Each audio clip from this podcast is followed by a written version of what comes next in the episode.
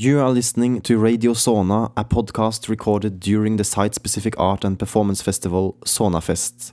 Every evening, the audience and the artists gathers in a tent, and some artists are invited to sit in the sofa with the two locals, Truls Jonsson and myself, Andreas Strand Renberg, and have a conversation about the work they present at the festival. In this episode, Arthur Bernard Bazin from the group HURyCAN shares some of his experiences with the piece Assuelto, a street performance mixing physical theater and acrobatics. Here is Arthur telling about the work.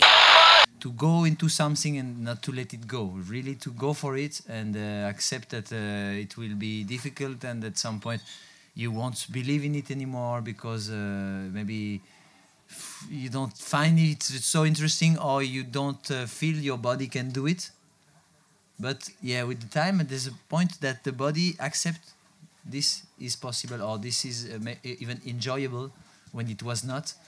And uh, it become natural. It become part of, of the way you move the way you express and the way you communicate. And it's become uh, yeah something like a, like a song that you when you listen to the first note you know what's going on. And, and it's the, the, the, the simple fact that you are inside it's helped to this to happen and so i think this is like the base the more important. And uh, and the other part is the human people that are sharing the their experience. And need to be a strong uh, team. And so yeah i think we are friends and uh, we share a lot of space uh, of life and uh, of course the bodies. So yeah this is important also to find people that they can uh, they can understand this this language let's say Interesting. And I understand that it was also the premiere of the piece today. Was that it? Or it was the premiere here yes? yeah And how was here i mean in norway Yeah, exactly. Yeah. Yeah, yeah. And but how was how do you think the the, the Norwegian audience was then?